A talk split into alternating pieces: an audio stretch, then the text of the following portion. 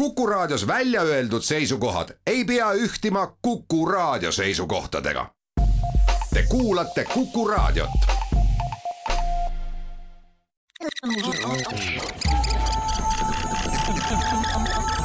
digitund, digitund, digitunni tulevikulahendused ja 5G toob sinuni Telia tere kuulajad, Digitund on teiega eetris järgmised äh, ligi tund aega ja me räägime teiega viimase nädala tehnoloogia uudistest, mis on meile kõrvu jäänud, meie oleme Hans Lõugas ja Henrik Roonemaa. ja võib-olla keegi veel meil saates külas, kohe kuulete, kes ta on. aga teemad on sellised, et äh, võtame kõigepealt ette selle, kui hästi on siiamaani kiire internetivõrgu ehitamine maksumaksja raha eest Eestis läinud ja kuidas see edasi võiks minna? See keegi, äh, kellest äh, Hans poole sõnaga rääkis, on Glen Pilvre ja tema toob äh, siia stuudiosse kaasa uue GoPro kümne ja DJI Mavic täiesti uue drooni või vähemalt teadmised nendest ja, ja võib-olla on ta midagi veel huvitavat räägime ka paar mõnusat fotonäpunäidet, mis on eriti kohased nendele, kes nüüd praegusel koroona ajal peavad inimesi pildistama. ja lõpetame saate uuendusega Netflixi fännidele kellel on kõik sarjad läbi vaadatud. nüüd saab Netflixis midagi veel teha. digitund, digitund, digitund. Nonii, hakkame saated pihta võib-olla sellise toreda uudisega, mis kuidagi eelmisel nädalal kerkis esile mul, meile silma seoses sellega, et äh, erinevad Eesti telekomi operaatorid pakuvad äh, soodsalt inimestele internetti. aga asi ei ole lihtsalt niisama roosiline, et näete, palun, äh, internetiühendus on teile odavam, vaid uudis puudutas nüüd seda, et ähm, need soodustused puudutavad siis seda internetivõrku, mida ehitatakse Eestis maksumaksja raha eest, nimelt ähm, riik andis äh, mõned aastad tagasi, eraldas suure hulga raha, et keegi viiks maapiirkondadesse, kus ei ole head internetti, mm, siis fiiberoptika, valguskaabli. Ja selle, selle toetuse sai endale Enefit Connect, Eesti Energia tütarettevõte, kes siis äh, muide mööda elektriliine veab seda valguskaablit ja veab otse majadeni välja inimestele lausa reaalselt tuppa. ja äh, aga Enefit Connect ise ei ole internetiteenuse pakkuja, ehk siis valguskaabli otsa jõuab inimestele tuppa, aga, aga siis peab inimene liituma mõne operaatoriga ja ähm, olukord on siis turul selline näiteks, et Tele2, üks kolmest põhilisest operaatorist on teinud väga agressiivse kampaania juba, mis hakkas suve lõpus, mis nüüd pikendati kuni oktoobrini. põhimõtteliselt aasta aega tasuta internetti ja mitte niisama tasuta, vaid siis sada megabitti üles ja alla laadimine üle valguskaabli, mis muidu on kakskümmend viis eurot kuus e,. aga see ei ole mitte ühe operaatori selline agressiivne kampaania, vaid sellele vastas ka teine ja Elisa tegi siis sellise vastupakkumise inimestele läbi Enefiti võrguliitujatele, et võtad sada viiskümmend megabitti kiirusega internetti. jällegi, see on sünkroonne siis fiiberoptika ja lisaks veel kuuskümmend telekanalit äh, ka lisaks ja saad kõige selle nagu viiskümmend protsenti soodustusega, et mis need numbrid on, neljakümne nelja euro asemel kakskümmend kaks eurot. no eks igaüks vaatab, arutab ise, kas see on temale õige pakkumine või mitte, seda me ei tahagi siin praegu reklaamida, vaid. asi on selles, et kui see nii-öelda alusvõrk on operaatori neutraalne, siis see viimase aja nagu uudised näitavad, et see toimib, et see paneb operaatorid konkureerima ja tegema tarbijatele ahvatlevaid pakkumisi see on jah, et äh, kes oleks osanud arvata, et kui sa tekitad konkurentsisituatsiooni, siis äh, tuleb konkurents ja kui tuleb konkurents, siis tarbijate elu läheb paremaks, et äh, hea meel on, et me selleni ka ikkagi lõpuks jõudsime. ma, ma olen ikka väga tugevalt seda meelt, et et meil võiks Eestis kuidagi need võrgud olla neutraalsed, noh, et see, seda on väga keeruline korraldada igasugustel ajaloolistel ja muudel põhjustel. aga, aga meil oli ju, kas oli meil keegi mõned kuud tagasi oli meil ju arutelu saates, et kas võiks niimoodi olla, et riik ehitab. suvel, suvel rääkisime jah, tegelikult, et ja, ja, see on see, nagu selline väga suur visioon, et ja. paneme hulga raha sinna, teeme sellise nii-öelda riikliku alusvõrgu, et siis iga maja on ühendatud ja noh, seal peal siis tegutsevad eraettevõtted on ju noh, et see oleks suhteliselt äh, mõistlik, eks, et äh, noh, täna meil on ikkagi äh, piltlikult öeldes olukord, kus kus Tallinnast Tartusse viib mõnel juhul kolm või rohkem maanteed et iga operaator on ehitanud minu juurde siis või minu, minu majani peaks tulema kolm tänavat, eks ole, ja siis kui üks on juba ära ehitanud oma, oma tänava, siis teised vaatavad, et no kuulge, et et mis, mis mina veel sinna tulen ehitama, et, et ei, ei hakka. Et see oleks kindlasti Eesti mõistes nagu väga kasulik jah, kui meil on vaja mingisugust suurt visiooni, et siis võiks ikkagi selle nüüd korra tõsiselt läbi arvutada. Jah, eks see on nagu üks asi, teine on see, et äh, natuke on see ikkagi loterii, et sa pead olema praegu selles piirkonnas, mis mhm. on mm. kuskilt mõõdikute järgi nimetatud halliks alaks või sinna, kuhu nii-öelda needsamad operaatorid ise kaablit ei too mm. -hmm. ja siis sul on haaratav õnn, siis tuuakse sulle nii-öelda riikliku toetusega see, tõsi, sa pead ise maksma ka liitumistasu, aga, aga tuuakse valguskaabel tuppa et ähm,.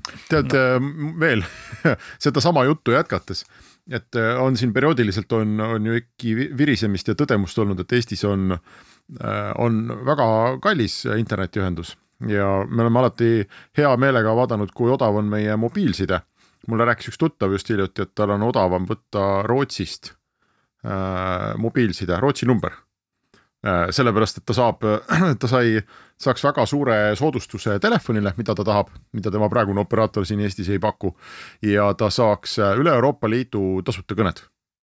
ehk et kui sa Eestis, Eestis võtad paketi, siis sa saad üle Eesti tasuta kõnet, see on tavaline asi, eks ole. üle Euroopa Liidu tasuta ma pole kuulnud ja noh, siis ta, ta jagas selle ära, et, et põhimõtteliselt kuna Eesti on Euroopa Liidus ja tal on ka välismaailmaga niikuinii päris palju suhtlemist et äh, ta ajab äh, erinevaid rahvusvahelisi ärisid. et, äh, et see oleks tema jaoks nagu väga kasulik, ainuke mure lihtsalt on see, et kui ta näitaks mingisugust Rootsi numbrit oma kodulehel klientidele, siis ta kardab, et kolmveerand kliente ei julge helistada sinna. aga, aga noh, põhimõtteliselt olla nagu olukorras, kus Eestis on mõttekam võtta mobiilinumber Rootsist see ei tundu mulle kuidagi normaalne ausalt öeldes ja ma ei ole ise neid fakte seal all kontrollinud, aga tema arvutas läbi ja ütles niimoodi, et, et oleks mõistlikum aga see on, see on muidugi muidugi üllatav, sest noh, praegu on probleem olnud see pigem, et meil on Eestis need kaabliga ühendused võrreldes naabritega kuradi kallid. et ähm, noh vaatame kasvõi sedasama, võtame sedasama näite, see, kus on selle võrgu ehitanud, on ju riik, Enefit Connect ja siin on nüüd Elisa ja. ja Tele2 näiteks, kes pakuvad selle võrgu peal. gigabitine ühendus maksab ikkagi nagu siit läheneb sajale eurole siin, ma näen, et ühel on seitsekümmend. teisel mul hinnakirja ees um, on äh,. gigabitine ongi väga kallis jah, ja, ja. ta on kallis, eks. jah, minul on äh, kodus äh, poole gigabitine ja, ja ma nüüd peast ei ütle, palju see maksab, aga minu meelest meil kui ma, kui ma loen kõik need kulud kokku, palju mul on siis nii-öelda kodune internet mm,, suhteliselt minimaalne tele, noh väga minim, nii minimaalne tele, kui üldse saab olla. ja digiboksi rent ja öö, mobiilinumbrid siis äh, see tuleb ikkagi reipalt üle saja euro kuus. Ähm, ja arvestades, mul on veel võetud üks äh, see taskuruuteri SIM ka on kogu aeg kotis igaks juhuks, et noh, satud kusagil vaja jälle midagi üles laadida või mingeid tööasju teha. et äh, siis ta tuleb ikkagi kohe täitsa korralikult üle saja euro, ma arvan, ja ja see ei tundu mulle üldse nagu eriti soodus, et, et ta, ta on tehtud juppideks, sa ei saa aru ja noh, ma kasutan ka erinevaid teenusepakkujaid, aga lõpuks, kui ma teen laua, ütleme kuu alguses teen laua peale hunniku arvetest lauanurgale, mis on telekomi arved, siis, siis see hunnik selline saab. ja see on palju minu jaoks, ma just mõtlesin, et peaks hakkama nüüd ikkagi vaatama, et mis, mis seal nüüd päriselt nagu toimub. no vot kuskilt optimeerida. Um, aga äh, mainime tegelikult ära ka eelmisel nädalal veel ühe uudise, mis samast teemast on, et, et kui me räägime sellest, et noh, et mingit nagu konkurentsiolukorda on see parandanud, see. see operaatori neutraalne võrk, siis see võib isegi asi minna veel paremaks, sest et teil majandusministeerium on ette valmistamas siis sellist äh, toetust, toetuse kava järgmisteks aastateks lausa kuni aastani kaks tuhat kakskümmend seitse kus sedasama asja siis jätkatakse ja sinna pannakse, number on lausa kuuskümmend üheksa miljonit eurot ma vaatasin korra nii-öelda minevikku tahavaatepeeglisse, siis see Enefit Connect on praegu jõudnud ehitada nii umbes viis tuhat maja ühendada fiibriga aastas. siin on kulunud umbes niimoodi kaks, kahe miljoni ringis. Äh, nelisada eurot aadressi kohta noh, et kui nüüd sinna kõvasti juurde anda raha, see kõlab hästi, aga, aga see tempo äh, tundub väga kiire pole olnud, et, et selle seitsmekümne miljoni eest saaks ühendada lausa, kui see kõik panna sinna alla sada seitsekümmend tuhat majapidamist, eks, kes on, on kuskil. ja seda on päris palju, eks. seda on päris palju. jah, jah aga see protsess et... on neil väga pikk, et äh, ma olen ka ise siin vist saateski rääkinud, et olen uurinud seda suvemaja pärast ja ja, ja täitsa saab uurida ja täitsa saab nendega rääkida, kõik, kõik on nagu väga kena, aga protsessid on ikkagi pikad, et. just, sa ootad. aasta, aasta-kahega äh, juhtub midagi, äh, mitte tõenäoliselt kiiremini, eks see sõltub kindlasti ka, et mis piirkonnas nad juba ise on, noh, parasjagu tööd tegemas ja. ja ka kui sa tuled äh, kuskilt piirkonnast, kus nende autod tavaliselt mööda ei sõida ja mingit ehitustegevust ei toimu, et sa ei ole nendel nii-öelda kaardil siis see võtab kõik ikkagi meeletult aega ja ehitamine tead, ei võta, paberimajandus on see, mis võtab aega. jah, aga siukest asja, mida sina teed, et sa ütled, et annad märku või helistad või, või kodulehel on võimalus jätta märge, et ma tahaks saada. Tegelikult nad vaatavad ju ka seda, et kui palju ühes piirkonnas nagu huvilisi on, et kui inimesed on nagu üldse ja teadlikult passiivsed, ega siis see ei satu ka ettepoole järjekorras. aga see on väga veider, näiteks meie oma suvila kooperatiivis oli, oli niimoodi, et ma just vaatasin, et mõned inimesed olid seal ennast üles andnud, et ja maju oli, ma ei tea, paarkümmend äkki seal kooperatiivis. ja ainult mõned ja, ja siis, kui me korraldasime küsitluse seal, ühistu esimees kirjutas kõigile, ütles, et nii, et vist ikkagi hakkame nüüd tegema, et kes tahab. Siis olid peaaegu kõik nõus.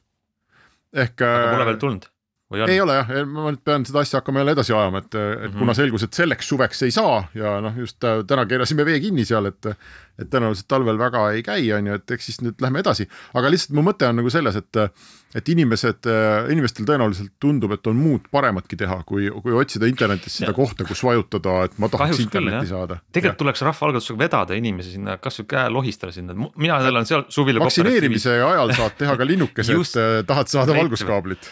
Praegu saime lahenduse, kuidas saada mitu asja ühe korraga ja on, põli on edaspidi hea, nii et meie soovitame küll siit kõigile eh, vaktsineerige ja ennast fiiber optimiseerige ära, ehk siis ühendage ennast kiire internetiga ja.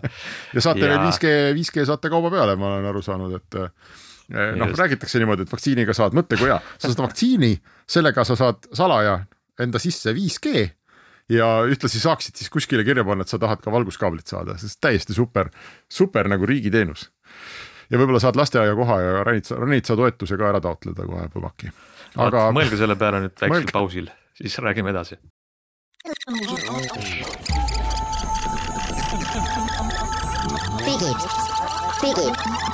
digitund, digitund. Digitunni tulevikulahendused ja 5G toob sinuni Telia Läheme digitunniga edasi ja mm, tahaks korraks vaadata lähitulevikku, sest talv on tulemas. ma loodan, et lund tuleb palju, tahaks hakata suusatama mäest alla. võib-olla ma see aasta õpin mõne triki ära mäe peal suusatades. ja siis on mul muidugi nagu elus kõige tähtsam eesmärk seda pildistada ja filmida ja näidata ja ise üle vaadata, kui äge ma olen. Glen, kas sa oskad mind aidata sel aastal, kuidas ma saaks seda veel paremini teha kui varasematel aastatel, ma olen muide varem, olen teinud, ma hoian mobiiliga hoian käes suusatamise ajal ja üritan ennast või lapsi saada pildile äh,. ei ole väga hea. ma olen ka teinud seda jah, see on äh, äärmiselt sihuke ebaturvaline asi endale, lastele, telefonile ja teistele suusatajatele. et neli riskigruppi põhimõtteliselt. Glen, kas sul on mingi lahendus meile? Ei no jaa, mul on terve kohvri täis lahendusi. et, uut? Äh, et no muidugi kõigepealt ma ei hakka rääkima sellest, kuhu sa kohe sihid, et, et põhimõtteliselt on olemas veel teisi kaameraid ka peale selle. ei, ütle, ütleme ära, lähme nii-öelda, see on see püramiidi värk, alustame tipust ja siis lähme allapoole. uus GoPro tuli välja, on nii? no tuli välja uus GoPro jah, Hero kümme Black on ta jälle, ta tuleb igal sügisel välja, nagu sellest numbrist võib aru saada, siis on vist kümme aastat ilmselt või kui ma nüüd ei eksi, kui vahepeal midagi vahele pole jäänud või on isegi, tegelikult on rohkem ausalt öeldes, ma kardan, et midagi on vahepealt ära kukkunud, nii et ma ei ole väga hea ajaloos, aga aga Euro kümme Black, iga sügisel äh, GoPro sellega välja tuleb ja, ja noh, ausalt öeldes see, see ei ole nagu nüüd, sel aastal see ei ole nagu väga põnev, ma peaks nagu ütlema, et, et, et eelmisel aastal üheksa, kui ma ei eksi, tegid nad väga suure muudatuse karbis, mis oli väga hea mõte, sest olid ajad, mil GoPro tuli välja muide plastmasskarbis, selline hästi suur, ilus ja uhke plastmasskarp oli, mida vitriini peal oli jube hea ladustada ja, ja nägi väga šef välja. aga GoPro sai aru, et plastmass tapab ära jääkarud ja, ja delfiinid ja nüüd on kohe seal kaasas selline, kuidas ma siis ütlen, kandekarp, eks ole. mis on iseenesest jube hea mõte, et sa ostad mingi toote ja selle asemel, et ta oleks noh, karbis, mille sa viskad prügikasti, on ta kohe karbis, mida sul on niikuinii vaja ja, ja, ja tegelikult see, see oli juba eelmisel GoPro'l, see oli siis üheksal ja kümme jätkab sama trendi, nii et kui sa ostad täna GoPro, siis on sul kohe olemas karp, et noh. arust kõik tooted võiks olla sellises karbis, miks ma peaks ostma sülearvuti omale mingisuguses nõmedas pappkastis. plastis siis plastikusse pakendatuna, siis lähen ostma omale sülearvuti kotti aga see võtab ju GoPro'lt ära muidugi äh, võimaluse küsida sult äh, üheksateist, üheksa, ei, mis kolmkümmend üheksa, üheksakümmend tõenäoliselt tahaks no, aga, aga võib-olla võib-olla nad siis küsivad, ma, ma ei oskagi öelda, et see uus kümme maksab nüüd täna viissada kolmkümmend eurot. võib-olla, võib-olla see ongi see kolmkümmend eurot. sinna sisse pandud jah. muide sellega ma, seoses ma... Äh, ma lihtsalt tahtsin teha kiire kõrvalepõike, vabandust, et ma teid segan, aga äh, ma soetasin äh, Apple AirTagide, ma ei tea, kolm või neli pakki, mis see suurem pakk on. sest noh, siin majapidamises erinevad asjad kippusid kaduma, ühte koolikotti ja teise trennikotti ja nii edasi ja siis kõigil on kõrini sellest ja AirTagid ise on suhteliselt mõistliku hinnaga, mingi kolmkümmend midagi eurot tükk. Äh, ja neil on see nii butler või see asi, kus nad sisse oh, sapp poiss, ma seisin tükk aega elektroonikapoes ja see on äh, põhimõtteliselt, see ei olegi isegi butler, vaid see on lihtsalt mm -hmm. silikoonist. noh, selline pisikene rõngake, sellisest mm -hmm. painduvast äh, pehmest silikoonist ja see ja see, oota, ma nüüd otsin kohe täpselt, mis see Apple'i enda oma maksab. jäängi sulle kolmkümmend neli, kolmkümmend neli, üheksakümmend, sest et see. muidu sa ei saa ise... panna seda kuskil, ta on nagu tablett ju. ta on jah, ta on nagu, ta on nagu selline suur, vaata need mingid CR kakskümmend, kolmkümmend patareid, eks ole, ta on nagu suurem versioon sellest, ta on äh, libe nagu lutsukivi.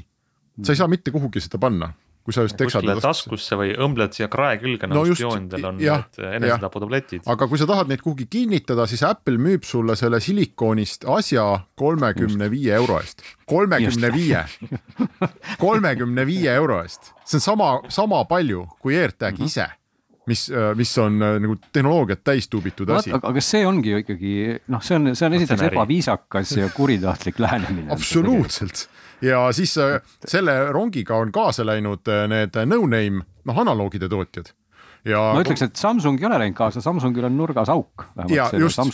aga lihtsalt, et kuna Apple küsib oma silikooniulla eest kolmkümmend viis eurot, siis mm. need äh, väiksed äh, tublid äh, käed kuskil Aasias, kes teevad samasuguseid asju oma logoga mm., nad võiksid müüa kolm viiekümne eest neid ma arvan, nad võiksid isegi võib-olla null viiekümne eest neid müüa, aga kuna Apple küsib kolmkümmend viis, siis nemad küsivad kakskümmend sest neil on võimalik ja ikka on, ikka no, on kõvasti soodsam. ühesõnaga selles, selle, seda enam tuleb tunnustada siis äh, GoPro-d, et, et nad ikkagi on nüüd, ei ole see karp lisavarustuse hulgas okay, ja. aga aga Nii. kas meil on päris pikk lõik karbist ja ma olen nõus teie kõigega, see kõik on, kuhu see tüürib praegu, see on nagu Nii. uskumatu Kar. aga mis on karbi sees? ei olegi vahet, Glen ütles enne, et midagi uut ei ole. kakskümmend, ma vaatasin poes isegi täna tegelikult ringi. Äh, täpselt samad näitajad on ju. ei, ei ole nagu, oota, oota, oota, sa vaatasid siis võib-olla eelmist kaamerat, näitajad ongi need, mis erinevad kakskümmend kolm megapikslit on FX. ja sensor on, sensor on sama. ja aku on ka sama, sensor on ka sama. Aga, aga, aga ei ole, protsessor on teine. Ning et, et protsessor oli ennem, kui ma, kui ma nüüd ei, ei, ei eksi jälle detailides. GoPro'l oli vist viimased kolm aastat umbes või isegi rohkem protsessor nimega GP1, lühend vist. Glen Pilver üks. Glen Pilver üks, nüüd on protsessor GP2 ja, ja GP2 on, ongi, ongi kaks korda võimsam kui GP1 ja seetõttu, seetõttu tegelikult kõik tehnilised näitajad, eelkõige siis resolutsioonid suhtes kaadrisagedus ongi kaks korda suuremad. ehk et no ma näen jah, kakssada nelikümmend kaadrit siis saab teha vist. jah, on siis 4K on sada kakskümmend kaadrit, ennem oli kuuskümmend, eks ole, nii edasi, nii edasi ja siis on viis koma kolm K on siis kuuskümmend, ennem oli kolmkümmend ja nüüd saad ka siis sealt sellest viie koma kolmest K-st võtta tegelikult äh, peaaegu kahekümne megapiksliseid fotosid, mis on iseenesest väga äge võimalus, et sa ei pea üldse piltidega enam jahmerdama, sa teed viis koma kolm K videot ja. ja pärast saad sealt fotosid nii palju, kui kulub, eks ole, ja saad ka kaheteist megapiksliseid fotosid siis 4K videost välja lõigata, et see on nagu jõudluse poole pealt tehniliste näitajate osas noh, selge edasiminek ja siis nähtav edasiminek on ka stabilisaator, mis on jälle stabiilsem, et ega tegelikult ka eelmine oli väga stabiilne. aga, aga uus on nüüd vist oli nimi, nimetus seal siis neli, kui vana oli kolm, see hüpersmooth on siis veel, veel hüper, hüpersiledam ja, ja keerab ka nurga nüüd kuni neljakümne viie kraadi ulatuses siis sirgeks, et vanal ta keeras seda vähem, see tähendab seda, et kui sa siis kaamerat sõidu ajal raputad või liigutad horisondi mõttes, siis ta hoiab seda horisonti nagu eriti, eriti hästi otse. ja, ja saab ka pilte nüüd, mis ilmselt sellised hardcore videotegijad väga väga kindlasti rõõmustavad, et saad pilte ka juhtmega siis mingisse oma telefoni või pad'i kohe otse kaamerast, et sa ei pea jahkerdama ja sahmerdama selle wifi või juhtmevaba ühendusega see on nagu et, need, ütleme no. toote omadused käivad siukses pendlis, mulle tundub, et üks aasta tuleb välja see nagu uuendusena, et ma saan mm ilma juhtmeta äh,. ei no sa saad, sa siit ilma juhtmeta jah aga nüüd no, on siis noh, see. aga noh, küs-, küsimus on nagu kiiruses jah, et, et tegelikult eh, kui sa ikka tahad ju oma viis koma kolm K videot sealt ikkagi ruttu kuskile siirdada ja sa ei taha mälukaarti, noh, ei ole sul võib-olla kuskile pista või sa ei taha sellega nikerdada siis nüüd sa saad seda teha juhtmega. ja, ja siis oli veel üks uuendus, mis ka ilmselt äh, vee alla hüppajad äh, hindavad, on see, et, et äh, selle läätse peale, mis muide on nüüd täpselt sama kinnitusega, see objektiivi kate nii-öelda kandiline, mis sealt eest ära saad keerata.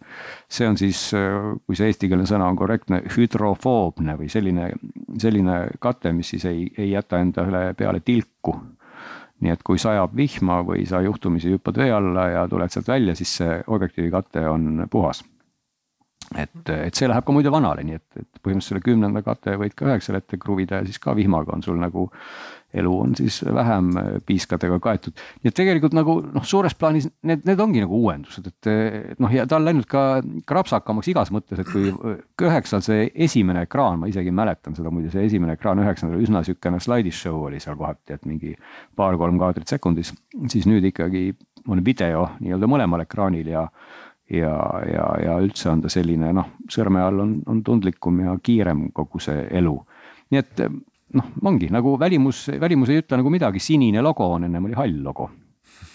No asi seegi, aga kas pildi kvaliteet, kas sa oled saanud ise vaadata nii-öelda, on sul Olen see vaadanud. käes, on ja, parem on, siis ikkagi noh ma saan aru, et kaader, kaadrisagedus on kaadrisagedus no,, seal on, ei vaidle, aga. on, marginaalselt on jah, et, et ikkagi ka fotodel on, on sellist koloriidi, kuidas ma ütlen, võib-olla sügavust ja seda noh, et, et jah, vale oleks öelda, see pilt on kehvem, aga, aga ta ei ole muidugi parem nüüd mingi kaks korda, et nagu protsessor on kaks korda parem, et. tegelikult sellised need toote välja tulemised on kõige raskemad nagu otsustuskohad inimesele, kes näiteks on, tahab GoPro'd no, osta, sest no, et eelmise aasta mudel on nüüd, on nüüd soodsam. kui sul on üheksa, siis täna pole mõtet, jah. et see on et... väga, väga õige, väga õige, et täna kindlasti, kui sul on GoPro üheksa, pole sul mõtet seda tormata ostma, aga, aga kui sul ei ole üldse mingit äh, action cam'i ja sa ikkagi tõesti seda tahad.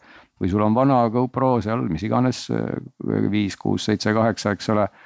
siis noh, nagu, nagu ikka, nagu iga uue kaamera puhul me saame jälle öelda, et, et nüüd on see jälle maailma parim GoPro, eks ole, noh nii ta on. kas see GoPro, vaata vahepeal oli väga suur konkurents, et Sony tegi oma samasugust äh, ja no,, ja, ja mingid teised firmad ka, kas, kas see on maha vaibunud või? Äh? ei, ikka teevad, ei, ma, ma pean tunnistama, et ma ei ole nüüd neid konkurente väga jälle otseselt kõrvuti pannud, et ega ta vaevalt ta maha vaibub, aga, aga tuleb nagu tunnistada, et, et GoPro on seni nüüd noh, peale seda, kui ta droonid kõik alla kukkusid on nagu ikkagi hakanud jälle õige asjaga tegelema. sõna otseses mõttes kukkusid alla või? Sõna otseses mõttes kukkusid alla ja GoPro ju kaks tuhat kuusteist või millal ta selle karmaga välja tuli ja, ja lubas ju droonimaailma ka ära vallutada, aga paraku esimene sats vist kukkus kohe alla, siis tuli mingi uuendus ja, ja nad ei tahtnud üldse hästi lennata, nii et. nii et äh, sealt, sealt alates äh, siis GoPro sai aru, et, et maailmas tuleb teha ühte asja hästi, kui sa ei, ei ole mõtet nagu teha midagi, mis, mis ei ole võib-olla sinu ala, et, et selles mõttes hästi tubli, et nad on ju mitte ju väga suure firmana, ütleme, kui sa kõrvutad neid võib-olla mingite gigantidega, eks ole. kellel on ka väga rasked ajad, on nad ikkagi nüüd vist oligi see, see aasta vist, kui, kui majandustulemused ka ikkagi juba olid plussmärgiga jälle üle, üle mitme aasta. et, et GoPro kaamerad, nad on ikkagi head, et noh, viimati võrdlesin seda eelmist, kui ma ei eksi, siis DJI kaameraga. loomulikult ei ole seal mingit öö ja päeva erinevust, aga aga kuidagi tuleb tunnistada, et, et sellise üldistusena noh, GoPro on, oleks nagu eelistus ikkagi, et. et noh, ja pluss muidugi kogu see tarvikute maailm, selge see, et konkurendid ju kõik lõdvalt pakuvad ka täna GoPro kinnitusi, noh, nii-öelda pannakse enda kaamerale GoPro kinnitus külge. ja sa võidki minna osta poest sinna rahulikult GoPro kinnitusi, eks ole, aga noh, GoPro on selles mõttes täielik standard, et kogu see noh, see kinnituste maailm on ju metsik, eks ole, ja ja, ja GoPro jaoks see kõik äh, on ikkagi nagu sihuke in-house asi, nii et. nii et jah, kui sa oled ikka sihuke tõsisem aktioni mees või naine mm, -hmm. siis, siis noh, GoPro on ikkagi selline kindla peale minek, ütleme nii kokkuvõtteks ja muidugi võib ka, võid ka eelmist mudelit vaadata, nagu sa mainisid, et see on täna sada eurot odavam, nii et viissada kolmkümmend versus siis nelisada kolmkümmend on, on üheksa. selge pilt, meil on teha, aeg teha siit väikene paus digid,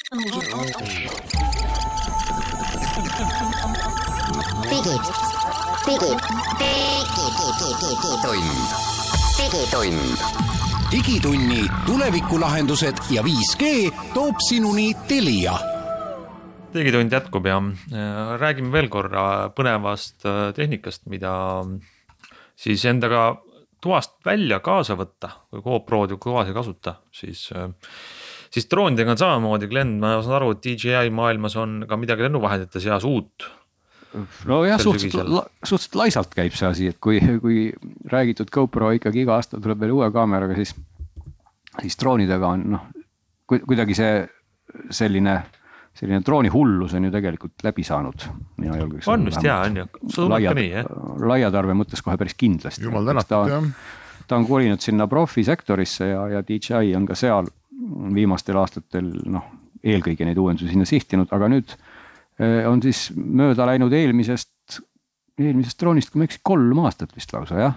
ehk no, et Mavic, Mavic kaks oli kaks tuhat kaheksateist ja, ja kui ütleme, et Mavic üks tuli kaks tuhat kuusteist, siis oli kaks aastat tuli Mavic kaks ja nüüd on siis kolm aastat läinud mööda ja, ja on tulnud siis välja Mavic kolm mis ei ole veel päriselt eh, kohale lennanud, aga ta just, just reliisiti siin novembri esimeses pooles, et, et kõik on jälle väga hea, et, et ja on läinud palju paremaks, et, et esiteks kaamera, DJI ikkagi selgelt on selle drooni puhul nüüd ikkagi rõhunud, kuna hind on ka tõusnud, noh näha on, et, et see ei ole päris sellise. noh, ta ei ole sellise pühapäeva lennutaja droon, kes, kes või kes ostaks selle omale nii-öelda igaks juhuks, ega võib-olla ka eelmine muidugi juba ei olnud, aga ikkagi nüüd algavad hinnad üle kahe tuhande euro natukene ja kui sa tahad ikkagi seda komplekti, kus on juba rohkem akusid ja rohkem asju, siis sa maksad ligi kolm tuhat. ja pakutakse sellest droonist ka siis äh, varianti, kus on kohe üks terabait äh, mälu. ja mis siis salvestab Apple ProRes koodekiga ja selle hind on viis tuhat eurot et, äh, et juba noh, juba nagu ikkagi noh, ütleme selline raha, mida, mida sa võib-olla ostad tõesti, kui sa teed tööd või siis, või siis peab sul see raha olema, aga muidu jah, kaamera mõttes on siis nüüd seal järjekordselt veel suurem ja ägedam sensor on siis see neli kolmandikku või four thirds sensor, nagu siis teadupärast oli Olympuse ja, ja Panasonicu see hübriidkaamerate sensor, kahekümne megapiksline.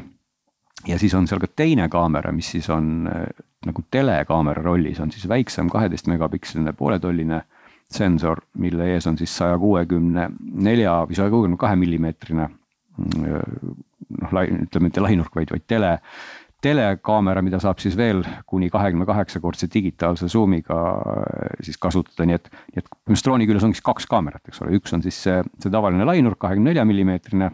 Mm, four third sensoriga, kus ees on siis muudetava avaga objektiiv ja teine on siis fikseeritud avaga ja mis on siis teleobjektiiv, nii et sa saad, saad ikkagi väga, väga kaugelt ka juba hiilida ja, muidugi. ühe kaamera sensori ees ei ole eri objektiivid, vaid siis nagu lausa kaks, kaks eraldi kaamerat. täitsa dual kaamera jah, ja muidugi Hasselblad on seal võtmesõna, eks ole. noh, video koha pealt ka sada kakskümmend kaadrit sekundis tehakse 4K-d ja, ja kakssada kaadrit sekundis tuhat kaheksakümmend B-d, eks ole, ja, ja on läinud ka see drooni lennuomadused jällegi tunduvalt paranenud, et nüüd on siis igast küljest tal need ähm, takistuste tuvastussensorid, nii et teoorias ei ole praktikas veel proovinud.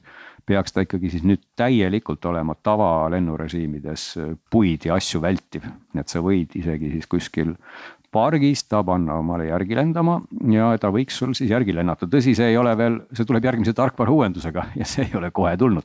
nii et see äh, järgi lendamise uus režiim Active Track viis peaks siis tulema tegelikult järgmisel aastal, lubatakse, kui tuleb siis uus tarkvara, kui sa ostad täna seda drooni, siis täna ta veel nii, niivõrd advanced või, või edasi jõudnud kujul sind ei oska jälitada, aga see peaks siis kohe-kohe tulema. ja, ja lendab ka nelikümmend kuus minutit maksimaalselt, nii et nagu märkimisväärselt kauem kui eelmine, mis lendas alla poole tunni maksimaalne aeg, nii et. nii et ka see osa on paranenud ja natukene kergem, noh umbes samas, samas mõõdus, et ikka kokku volditavad need käpad ja. Ja, ja see pool nagu näeb välja nagu sarnane, välja arvatud siis see kaks kaamerat.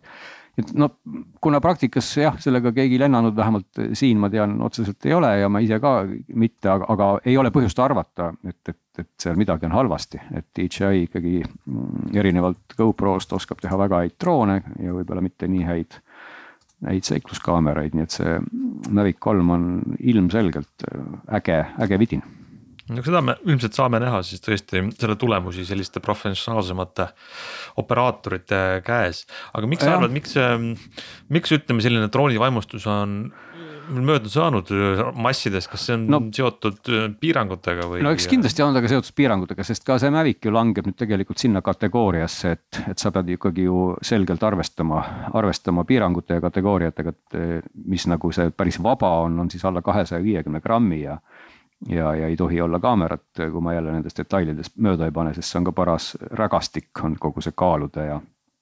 ja, ja piirangute teema, aga kuna see kaalub, Mavic kaalub seal üheksasaja grammi kandis. siis noh, ilmselgelt äh, langeb ta sinna kategooriasse, kus sa pead seal kooskõlastama ja hakkama tegema mingeid litsentse ilmselt mingil hetkel ja, ja. ja eks see on teinud elu keeruliseks ju igal juhul, et et see on natuke nagu, natuke nagu mopeedauto ja sõiduauto juhtimise vahe, et, et äh, ega see ju ka hea ei ole, kui sellised täiesti ilma mingisuguse ettevalmistuseta juhid jah. meie ruumis, liiklusruumis nii-öelda mässavad ja sa ei tea, kas ta sulle kukub pähe või mitte. ei kindlasti jah, et ja ega siis see, see nüüd ei tee ju midagi nagu võimatuks, aga, aga loomulikult noh, see, see pärsibki võib-olla selliste inimeste drooni kasutust, kes, kes noh, lihtsalt ostaks ja tahaks lennata, et, et see nihutab selle sektori pigem sinna, et, et sa pead nagu noh, sa pead olema kas tõsine harrastaja või proff, eks ole, et sa taotled omale neid lubasid, litsentse, oled nendega kursis. ja muidugi seal on automaatikat piisavalt, et ega nagu ikka DJI-l, et kui sa lendad kusagil lennu, lennukite kõrval, siis droon lihtsalt ei lenda. ja, ja noh, Tallinn on, ongi see ala, kus lennujaam on meil väga lähedal, et et siin neid, neid probleeme selles mõttes muidugi on, eks ole.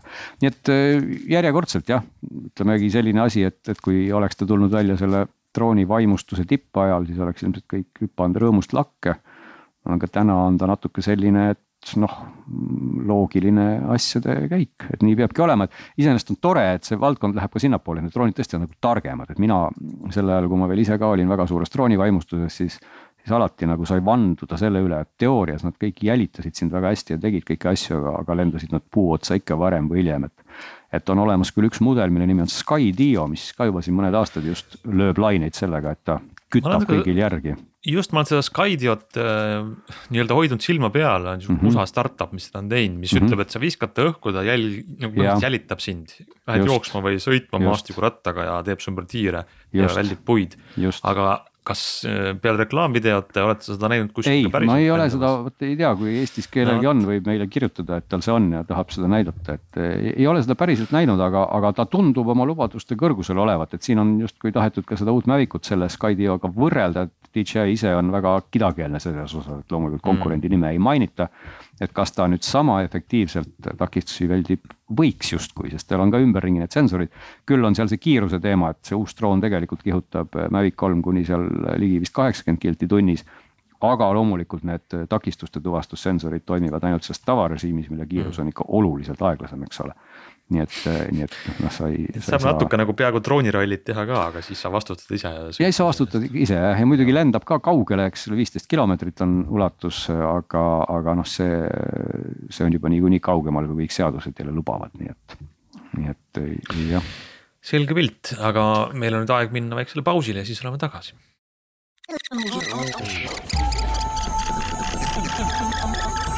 digid digitund. digitund. digitunni tulevikulahendused ja 5G toob sinuni Telia. digitund läheb edasi ja äh, räägime nüüd, äh, jätkame fototeemat. Äh, Henrik, ma saan aru, et ähm, sulle kirjutas üks kuulaja huvitava näpunäitega. ei, ma, mulle ei kirjutanud, vaid meie, mu vana hea mm, tuttav Egert Kamenik kirjutas oma Facebookis, tema on siis professionaalne fotograaf tema oli saanud selle vihje ühelt teiselt professionaalselt äh, fotograafilt, kelle nimi on Kalev Lilleorg ja, ja nad avastasid siis kuidagi juhuslikult, et, et kaamerate ja ma arvan, me räägime siin Canoni profikaameratest tõenäoliselt, igatahes kaamerates on algoritmid tänapäeval, eks, mis kuidagi tunnevad nägusid ja oskavad teravustada silmadele ja igasuguseid selliseid trikke teha. ja, ja nad avastasid, et kui inimestel on maskid ees, noh, sa pildistad näiteks mingit üritust, kus inimesed istuvad, siis äh, tihtipeale see algoritm ei saa hästi aru, et tegemist on näoga. Sest inimesel on mask ees ja, ja silmad ja natuke seda ninajuurt on liiga vähe. Küll aga avastasid nad siis, õigemini Kalev Lilleorg avastas, et et kui sa ütled kaameratele, kaamerale, et mitte ära tuvasta nägusid, vaid tuvasta loomi, siis see mask, mis inimesel ees on, meenutab kaamera algoritmile tõenäoliselt koonu. ja, ja koon silmadega on midagi, mille ta tunneb ära küll nii et ongi täitsa toimiv häkk on, et, et koroona ajal pildistades Äh, algoritmile meele järgi olemiseks pead sa siis seadistama inimesed koonuga loomadeks ja, ja algoritm tunneb ennast palju kodusemalt sest no. see ei ole nagu, me ei pea selle üle nüüd tund aega arutama, aga minu arust on see lihtsalt väga lõbus äh, selline noh, kõrvalefekt, mis, mis algoritmide maailmast võib läbi tilkuda aga.... see muidugi viis mind kohe mõttele, et peaks võtma mõne sellise telefoni või äh, noh, mulle meenub siin kohe Huawei telefon, aga vist ka Samsungid tegid seda, et äh, igal äh, kui sa teed pilti mingist lapsest, koerast või mm, toidust või, või päikesest, siis telefon kohe ütleb, mida sa pildistad. Et ta ütleb, kas pildil on koer, kass, laps või toit. et huvitav, kui maskiga inimest pildistada mida siis. et kas ta ütleb, et see on maskiga inimene, äkki ta, äkki nüüd juba ütleb? äkki nüüd juba ütleb, et see on. aga samas ja päris tõsiselt minu arust eriti Hiina toodangus, Hiinas on need näotuvastus on Am, eriti jah. Ähm, arenenud ja, ja, ja seal on ja. see nii-öelda maskiga inimese näo tuvastamine selle vale, valepositiivsete protsent on üsna madal, et sa päris täpselt panevad isegi ära nagu silmade ülemise otsmiku järgi. aga võib-olla on... nad ka tuvastavad ka koertena neid kõiki. jah, ei, aga samas arvestades, et seal Aasia maades ikkagi mask on ju kaugelt ennem koroonat olnud üsna igapäevane nii et võib-olla seal juba telefonid seda ja. tunnevad. iseenesest on lõbus, et võiks ju tegelikult maski peale joonistada ka ülemised-alumised no. kihvad ja väikse roosa keele. aga siukseid maske kindlasti saab. kindlasti on, on ja siis on kaameratel veel lihtsam aru saada, et kelle või millega tegu on. absoluutselt, et ma, ma isegi panen natuke imestama, minu arust kaamerad peaks seda nagu täiesti automaatselt tegema, et, et ega seal ei tohikski olla. ma ei tea, kas profikaamerad tõenäoliselt ei tee, ma ei usu ja, jah, et sa seal on kõik, seal on kõik asjad käsitsi ikkagi. no võib-olla jah, et sa pead valima siis, keda sa pildistad, kas siis koera või inimest, eks ole. et pildistad inimesi, kui koer tuleb kaadrisse, siis kaamera ei tee pilti selle peale. aga just. tegelikult ma just täna käisin poes ja, ja olgem ausad, on ikka tüütu küll selle iPhone'iga seal kassas jahmerdada. et kõigepealt pead kõigi nähes oma selle turvakoodi sisse toksima ja, ja ma ei tea, Rimi äpi käima panema ja siis, kui sa jõuad iseteeninduskassasse, siis on vaja jälle see äpp käima panna ja siis on vaja makse teha. ja kaart on ka telefonis, siis pead jälle selle PIN koodi panema, kohutavalt äh, tüütu ja muidugi väga ebaturvaline. et äh, noh, ma ei tea, kas see võib-olla ei ole nagu ikkagi põhjus Apple'i kella osta sest seal siis väidetavalt peaks see olema aut automaatne see avamine. just tahtsin öelda, et äh, osta Apple'i kell ja maksa sellega ja elu on ilus ahah, ma saan aru, et sinul ei ole siis seda, seda probleemi jah? vot ei ole jah no,. minul, äh, mul ei ole üldse probleeme, mul ei ole ei iPhone'i ega Apple'i kella, mul ka ei ole probleemi. ja siis ei ole ühtegi probleemi millega sina maksad siis, Glen? ma maksan kaardiga. sularahas? vana hea, vana hea pangakaardiga.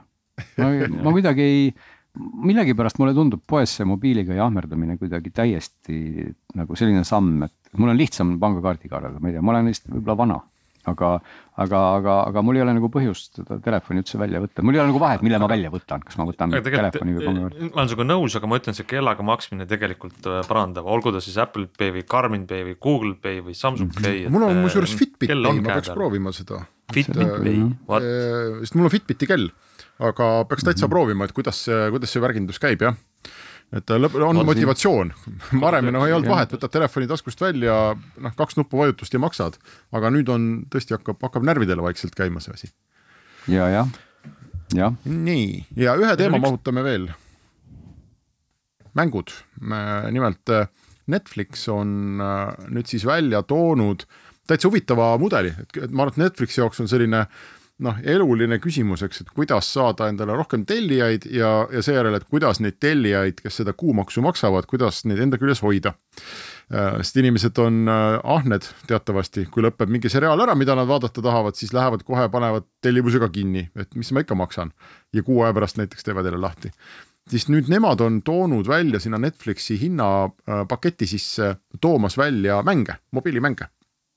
Ja nii Androidile, iPhone'ile kui iOS-ile mm, on näiteks äh, kaks Stranger Things'i mängu ja siis on, neil on selline animasari nagu Hoops siis on väike, väike korvpallimäng ja Stranger Thingsi mängud on täitsa mängu moodi.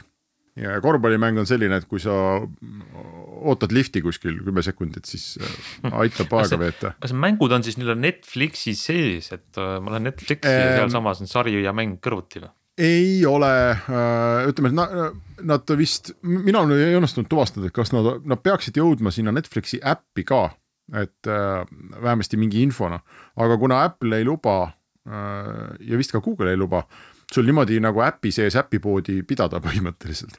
Siis äh, need on kõik ikkagi eraldi ka äpipoes äh, saadaval, nii et kui sa lähed App Store'i ja otsid siin näiteks Stranger Things eraldi ka äpipoes saadaval, nii et kui sa lähed App Store'i ja otsid siin näiteks Stranger Things, siis need kaks, kaks erinevat mängu, siis sa saad need ka alla laadida, küll aga sa ei saa neid mängida kui sul ei ole Netflixi tellimust mm, -hmm. nii et sa paned mängu käima ja siis ta küsib, et pane nüüd oma Netflixi parool ka palun Mm, siiamaani ei ole need mängud kumbki nagu väga noh, minu meelest täitsa okeid, aga, aga mängumaailm on ikka väga-väga raske.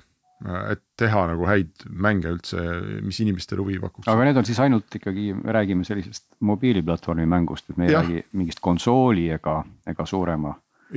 suurema asja mängust. jah, sest ma arvan, et nende arendus on veel palju-palju kallim mm -hmm kui äh, mingisuguste seriaalide filmimine, nii et see peaks täitsa omaette mingisugune. aga noh, arvestades, kuidas nii-öelda mängud ongi ju tegelikult noh, kuidas ma ütlen, mängud on ju filmimaailmast suuremad juba mõnes mõttes, et. Et siis võikski vabalt mul juba olla ka loomulikult selline Stranger Things konsoolimäng, kus ma ringi müttan ja siis kehastun mingiks tegelaseks ja möllan, on ju äh, jaa, muidugi võiks olla, aga seal äh, vaata tekib, noh, Playstation ja Xbox ongi sellepärast välja mõeldud, et standardiseerida riistvara. Ehk mm -hmm. kui sa oled arvutimängur, siis sul tekib kohe probleem, et kas minu arvuti seda jooksutab, on ju, Netflix paksu, pakub, ma maksan, ma ei saa, mingi häda on. Ehm, et äh, iPhone'id on enam-vähem kõik ühesugused ja iPadid veavad need mängud ära küll. Mhm. ja samamoodi konsoolid, eks Playstationid, Xbox'id, aga seal on jälle teised poed vastas. et seal on, neil on nagu muu probleem, et äh, ja need, need poed tahavad ka raha vahelt võtta ja kuidas sa seda siis tasuta annad või noh, aga ma arvan, et see on huvitav mudel Netflixi jaoks teisalt jällegi noh, Netflix on näha, et nad püüavad iga hinna eest, kuidas siis eesti keeles head väljendit ei olegi, aga, aga nuputada välja viise, kuidas siis veel kasvu veel suuremaks saada. mingi no, aeg nad mõtlesid välja formaadi, kuidas telesarjadele interaktiivne narratiiv teha, et sa teed valikuid seal filmi või sarja see küll ei läinud tööle, mida oligi arvata. ei läinud jah. jah, ja ega, ega muidugi tegelikult üldse igasuguses tarkvaramaailmas ju järjest enam on see noh, selline kuutasuline lähenemine on, on igas valdkonnas ju järjest enam tuleb, et maksa iga kuu natukene ja pidevalt siis saad. ma juba mingis saates, mingis saates ütlesin, et põhimõtteliselt on võimalik kogu oma elu elada nüüd niimoodi ära, et sa, et kõik on kuu, kuumaksuline, eks. et äh, ma ei tea, arvutid ja riided ja toit kõik, ja, ja kõik saad mingi paketina, ainuke asi, mida ei saa, on raha. Et kui keegi nuputaks nüüd ära, et kuidas nagu kuumaksu eest veel ka raha saada. No,. raha, rahapakett see läheb küll teise teemasse, aga see on nüüd selle finantsvabaduse alus on, et sa siis sa oled nii piisavalt jõukas, et sul tuleb iga kuu laekub, äh, mis Aha. see siis olgu, ma ei tea, intress või. Äh, jah, kusagilt tuleb jah divi-, dividendidest. ei no see ongi see mõtteviisi küsimus, et, et kas sa mõtled nii palju, palju sa saad iga kuu kulutada või sa muudkui arvutad nagu paaniliselt kokku, palju sa kokku mõne asja eest maksad. tegelikult selle kuutasuga ärimudeli üks eelis on see, et inimene mõtleb, aga see on ainult kolm eurot on ju, kaks üheksakümmend üheksa või ja ma võtan neid veel ja veel ja veel ja kui sa lööd nüüd oma iga kuu tellimused kokku. ma üks aasta tegin seda. seda ei ole vaja teha. ma ei ole teinud nüüd tükk aega. aga, aga noh, samas olgem ausad, kui sa lähed ka, kui sa lähed ka poodi leiba ostma ja hakkaks kokku lööma, võib-olla palju sa oled kümne, viimase kümne aasta jooksul kulutanud leiva peale, see võib päris hirmus olla tegelikult. üldse sa tahad öelda, et peaks leivatellimust teha jah, kuutasuline või, või. Fikseeritud hinnaga. fikseeritud hinnaga ostad kümne aasta koguse ära kohe. nagu elektripakett on fikshinnaga, siis ka võiks olla leib ja piim fikspaketiga no muidugi. absoluutselt, nii et siin on jah ruumi teisteks aruteludeks muidugi. kunagi oli Eestis popp oli Ernie Comics, mäletate, siis seal oli äh, mingisugune klubi päevajuust või nädala juust või midagi sellist, millega kõiki meelitati liituma, et siis tuli aluste kaupa toodi juust. ei, ei nii kaua on kõik väga hästi, ma olen iseenda puhul pannud tähele, kuniks neid liitumisi pole liiga palju. et, et kui sa, kui sa maksad kümme sinna, kümme sinna ja võib-olla veel ka kümme kolmandasse kohta, pole nagu hullu. aga kui sa hakkad avastama, et sa maksad juba kümme kümnesse kohta ja rohkem, siis hakkab nagu asi kontrolli alt väljuma ja natukene, et siis on niisugune tunne, et peaks ikkagi midagi ära ostma ja, ja kraani nagu kinni keerama tegelikult, nii et ja tegelikult siin on võib-olla ka teenus inimestele, et kui saaks mingi subscriptions.com teha, et mingi koht, kus sa näed, kus sa üldse mingisugused noh, regulaartellimused sul püsti on. sest need laekuvad ka väga erinevatesse kohtadesse, üks on ühe kaardi peal, teine teise kaardi peal, midagi on PayPalis, midagi on mobiiliarve peal ja midagi on kuupõhine, midagi on aastapõhine, midagi on kvartalipõhine, midagi on eluaegne nii-öelda. Et see on kohutavalt äh, tüütu ja mitte midagi ei saa see aru on väga hea mõte, peaks kohe ära tegema, eks ole, ja sealt Nii. omakorda võtma siukse priske Kuutasu. vahendustasu. loomulikult kuutasu. aga meil on aeg saade lõpetada, lähme kohe tegema jah. just. just, näeme järgmine nädal ja vaatame, kuidas äh, kuutasu kujuneb.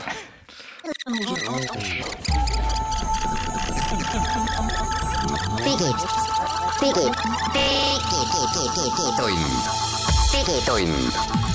Digitunni tulevikulahendused ja 5G toob sinuni Telia